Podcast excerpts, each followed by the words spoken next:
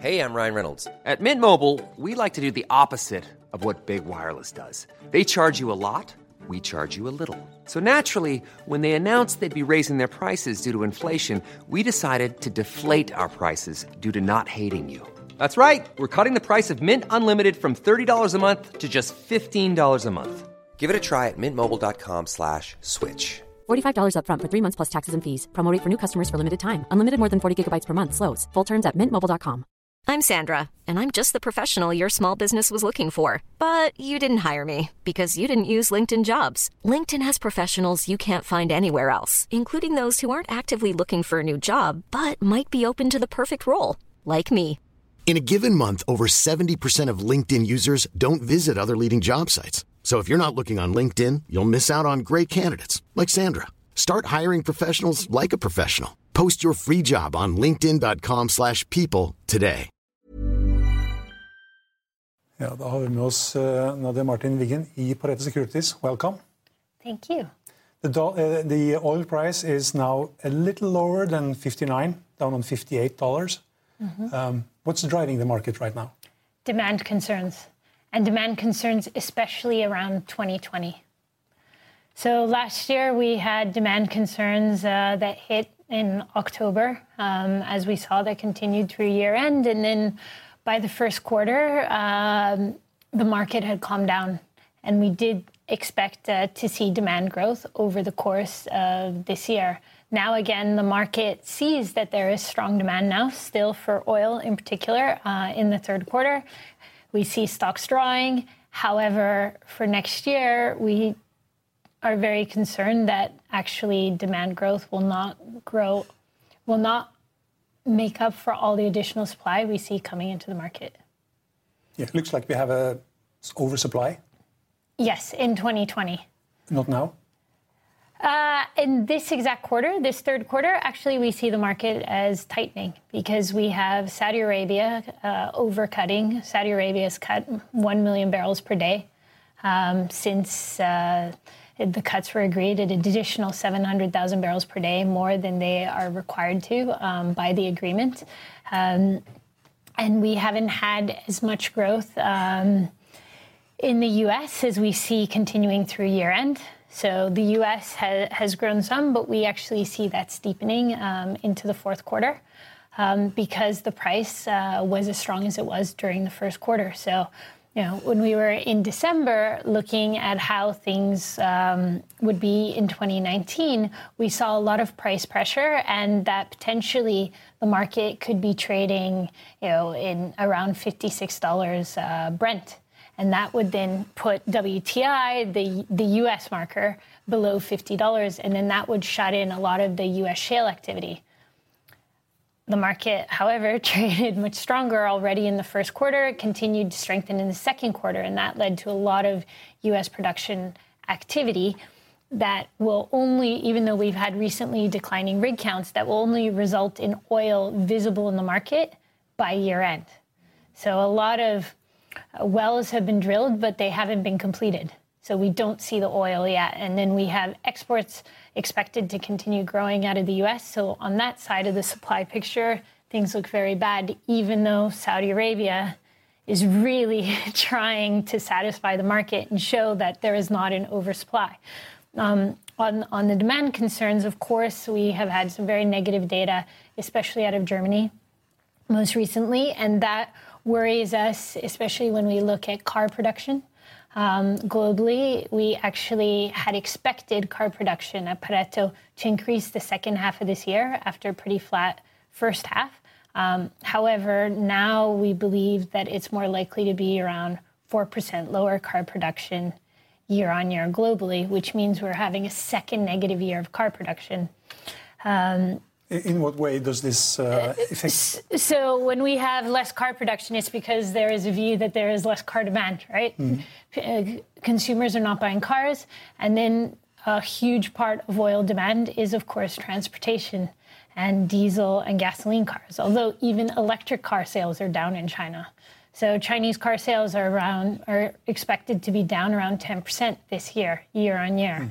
And so that is a much worse outlook than how things looked um, at the start of this year. Why is this happening? This is, of course, the result of the ongoing trade war between the US and China, and the US having all these tariffs with numerous other trading partners. And this is where we really see the impact on the manufacturing sector firsthand uh, in Germany, and that is playing out into other countries. Uh, in addition, whereas we still see demand growth in China, um, they have a lot of new refineries coming online. We think they will continue to be a producer and an importer of crude oil in huge amounts. Maybe not from the US if this trade war continues, but we see some of the trading partners of China really suffering. For example, South Korea. South Korea has shown year on year demand growth contraction um, year to date for uh, oil and they are normally a very you know, developed economy. When oil prices are lower, we normally expect to see a jump in demand in oil in South Korea, and we haven't actually seen that yet. So these are worrying signs um, for us in terms of the oil demand outlook. Mm. Um, OPEC and OPEC Plus, they have limited the production. Yes. Uh, but now going into late 2019 and 2020, how much more do they have to cut to stabilize the oil price? I think if they maintain uh, their cuts as they are now through the end of the year, we still see stocks drawing through the end of the year. This quarter, we think they're drawing 600,000 barrels per day, which is quite a large amount. So if Saudi Arabia were to maintain production at around 9.65 million barrels per day, then we would see things drawing. However, next year, we have a lot of growth coming, specifically from Norway, Johan Sverdrup, mm. we see Norway production rising half a million barrels per day year on year next year. We also have Brazil rising offshore, you know, 440,000 barrels per day year on year. And then the US is still likely to continue growing if we do not have enough of a price correction um, during this year or the start of next year to prevent having additional growth. So, this is where in the first half of the year, there can definitely be some pressure to extend the cuts further, especially in the first first quarter, because in the first quarter we normally have refiners entering refinery maintenance, and although we have IMO 2020 coming online with the International Maritime Organization, which should increase demand for distillate for diesel. Um, during that first quarter, when we have some seasonal maintenance, we might see some barrels of oil that don't have buyers if Saudi Arabia and OPEC Plus do not actually extend the cuts further. Um, but to give perspective, you know, we're, we're currently at around 100,000 barrels per day oil demand, is what we see this quarter. Mm-hmm. For next year, the forecasts, uh, depending on if we look at consensus, it's around 1, 1 million to 1.3 million barrels per day year on year growth. From our perspective, IMO 2020 is providing almost 1 million barrels per day of that additional demand growth. So if we didn't have IMO 2020, the situation would be even tougher than it is. And why do we get all of that additional demand growth? It's because we need to create all of this distillate all of a sudden that in the past we have not had that much demand for. Mm. And so we have a lot of new refineries coming online. Um, to help prepare for that. And that will also lead to building stocks in this fourth quarter now. So, although we will probably see stocks building in products in the fourth quarters. We do not think that is so problematic because of the additional demand we will see in the start of next year. However, as we get that ramp up in production from Norway, from Brazil, from the US, potentially at least. yes, exactly. Then we start to have a tapered off effect of this additional diesel demand, and then we start to to have some problems. Yeah, I see they expect the US to maybe tip over 13 million barrels a day yes. next year? Well, we see that this year. we will see that this year? Yes, yeah. that is our, our house view. Mm. Unless the oil price really comes down, it doesn't have to come down that much further. Um, you know, where, as you said, at $58, we currently have WTI at around $54, $55. So, you know, just six more dollars on WTI. Um, and then we can start to have some real slowdown in the U.S. Six dollars down. Yes. Around 48. Yes. Mm-hmm. Uh, the oil price. What do you see will be the oil price uh, going through the fall and into 2020? Well, we, we are in the process of revising our oil price outlook um, for the short term. Um, our previous target had, that we put out last December had been for this upward trajectory from $56 first quarter to $70 second quarter to $80 third quarter. Now, this third quarter, that is uh, clearly. Um, yeah, you were spot on under. first quarter and second quarter. and then the third quarter has run into serious headwinds. And mm. this is our, our biggest problem is that we do see a lot of demand for oil right now by refiners that have come online, that have had outages. There have been some environmental regulations coming into place in India, so we had limited car sales in the second quarter. Now we expect those buyers to come back to the market and buy a car, and then you drive the car, and that means vehicle miles and actual demand. So there have been some temporary hiccups. However, because the world is so concerned about demand and GDP growth fears on a global level, we believe that puts a limit on how high oil prices can go because then we will get an even stronger reaction of what we had last year when the market was very concerned that, oh, you know, it can't tolerate such high oil prices. And initially, when we set the $80 target, that was what we felt the market could handle. But instead of having the US China trade war de escalate, it's actually escalated. Mm. Um, we do see central banks stepping in, cutting interest rates, whereas India was raising them last year. Now they're cutting them. The US, whereas they were raising them, are cutting them. But of course, it takes time for this to affect the economies um, and really help, um, help the consumer. So we, we see that you know, th- this price will will need to be lowered. And for next year, we had initially said seventy eight dollars um, as an average price, and this is where you know, as these recessionary fears um, rise to the forefront of investors' minds, even if we don't have a recession come to the forefront, mm. it definitely um, limits how much oil prices can rise, even if everyone is trying to buy everything that's available. So this is what you're putting into your model right now? Yes. Well, well that, what, that is part. what do you think will come out? Part, part, part of. Uh, when you hit return. Well, it's uh, we. It, we, we're looking at several scenarios because, of course, there is if there's the de-escalation of the China-U.S. trade war, and then China starts buying oil again, mm. then you know, that can raise prices very quickly $10. Um, if, on the other hand, we start to see that the stimulus in China really isn't working and China is not willing to do more about it, then you know, we, we, we see downside even from where we are not, now. Not that much downside, um, because we are starting to get as low as break even prices and when activity needs to be halted um, in, the, in the US. So there's, um, from our perspective, there's more potential upside um, than downside given where the price is already now. So even if there's yes. uh, spare capacity and yes, even though the there there is spare capacity, we think the spare capacity will come into play if we have a, you know, a sudden closing of the Strait of Hormuz, for mm. example, before Saudi Arabia has completed building pipelines um, westward, mm. where they're planning to be able to export five million barrels per day, mm. and then the Strait of Hormuz problem becomes a non-problem.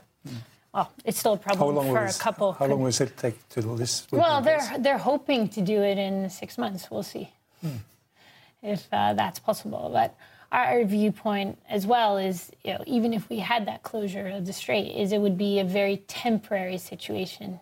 You know, it's the most practiced U.S. military exercise, I think, by the Navy. So it's. Uh, all eyes are on that area to make sure it's not clogged up. So I think it, our view at Pareto is it would still be only a temporary concern. But it's more for things like that that spare capacity would come into play.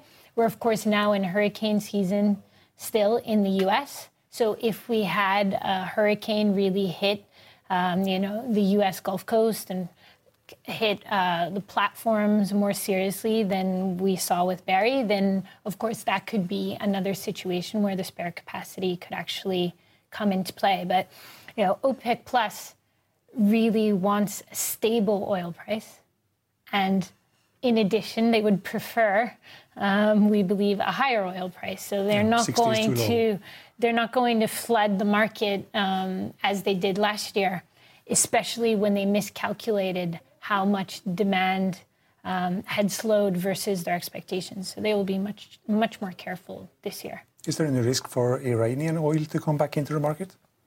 Uh, well, we believe there is still some oil coming into the market. Probably 500,000 barrels per day is still getting exported, um, especially to China. Um, this, again, US China trade relations uh, are important. Um, in terms of a comeback uh, closer to one and a half, two million barrels per day, no, we do not see that uh, as a short term. Do you think China could sneak out some more oil from? Well, they could they could sneak out a bit more, maybe 200,000 barrels per day, but not enough to tip the balance. So that you know, right now we expect stocks to be drawing around 600,000 barrels per day. So we don't see them uh, increasing imports by that level. So what's your range for the oil price? You don't have to be spot on. What, what- what's your range for, let's say, into 2020? Into 2020, wow.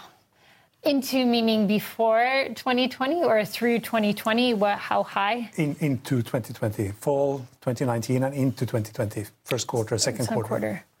It's I mean, in second quarter we really see a lot of strong demand coming for oil.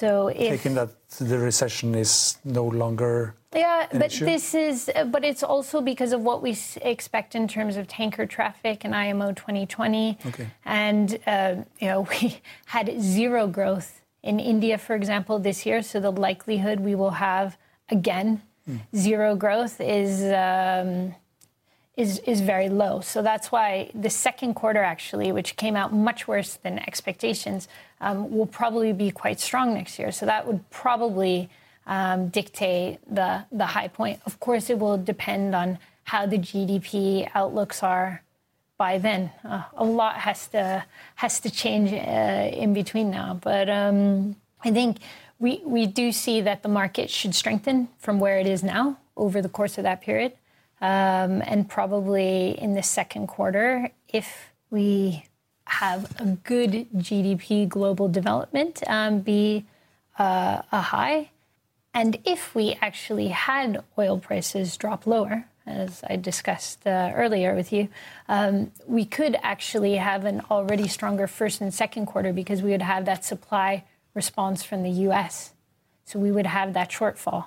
Now, Johan Sverdrup is starting already in November, so Norwegian production um, will be coming online, but it's really the US production that the market is less used to and is still under anticipating. And this is where, when we had the higher first quarter price uh, for this year, we had to lower than our fourth quarter price forecast um, because that is the lag in terms of the response. And when the market suddenly sees 600,000 barrels per day of additional oil up from the US than they expected, that creates the shock um, to send down prices. And uh, this is where we get a bit worried because, again, the market is saying, oh, you know, the U.S. is slowing down because rig counts are coming down. We had some hurricane outages with Barry, so that makes the numbers look lower, but we're still going to see them rise. So that creates a ceiling.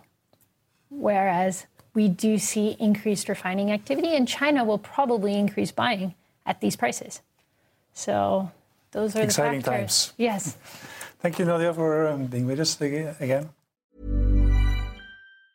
Hi, I'm Daniel, founder of Pretty Litter. Did you know cats tend to hide symptoms of sickness and pain? I learned this the hard way after losing my cat, Gingy. So I created Pretty Litter, a health monitoring litter that helps detect early signs of illness by changing colors, saving you money and potentially your cat's life. Pretty Litter is veterinarian developed, and it's the easiest way to keep tabs on your fur baby's health right at home. Go to prettylitter.com and use code ACAST for 20% off your first order and a free cat toy. Terms and conditions apply. See site for details. Planning for your next trip? Elevate your travel style with Quince. Quince has all the jet setting essentials you'll want for your next getaway, like European linen, premium luggage options, buttery soft Italian leather bags, and so much more. And is all priced at 50 to 80% less than similar brands. Plus, Quince only works with factories that use safe and ethical manufacturing practices. Pack your bags with high-quality essentials you'll be wearing for vacations to come with Quince. Go to quince.com slash pack for free shipping and 365-day returns. Økonominyhetene er en podkast fra Finansavisen. Programledere er Marius Lorentzen, Stein Ove Haugen og Benedikte Storm Bamvik. Produsenter er Lars Brenden Skram og Bashar Johar. Og ansvarlig redaktør er Trygve Hegnar.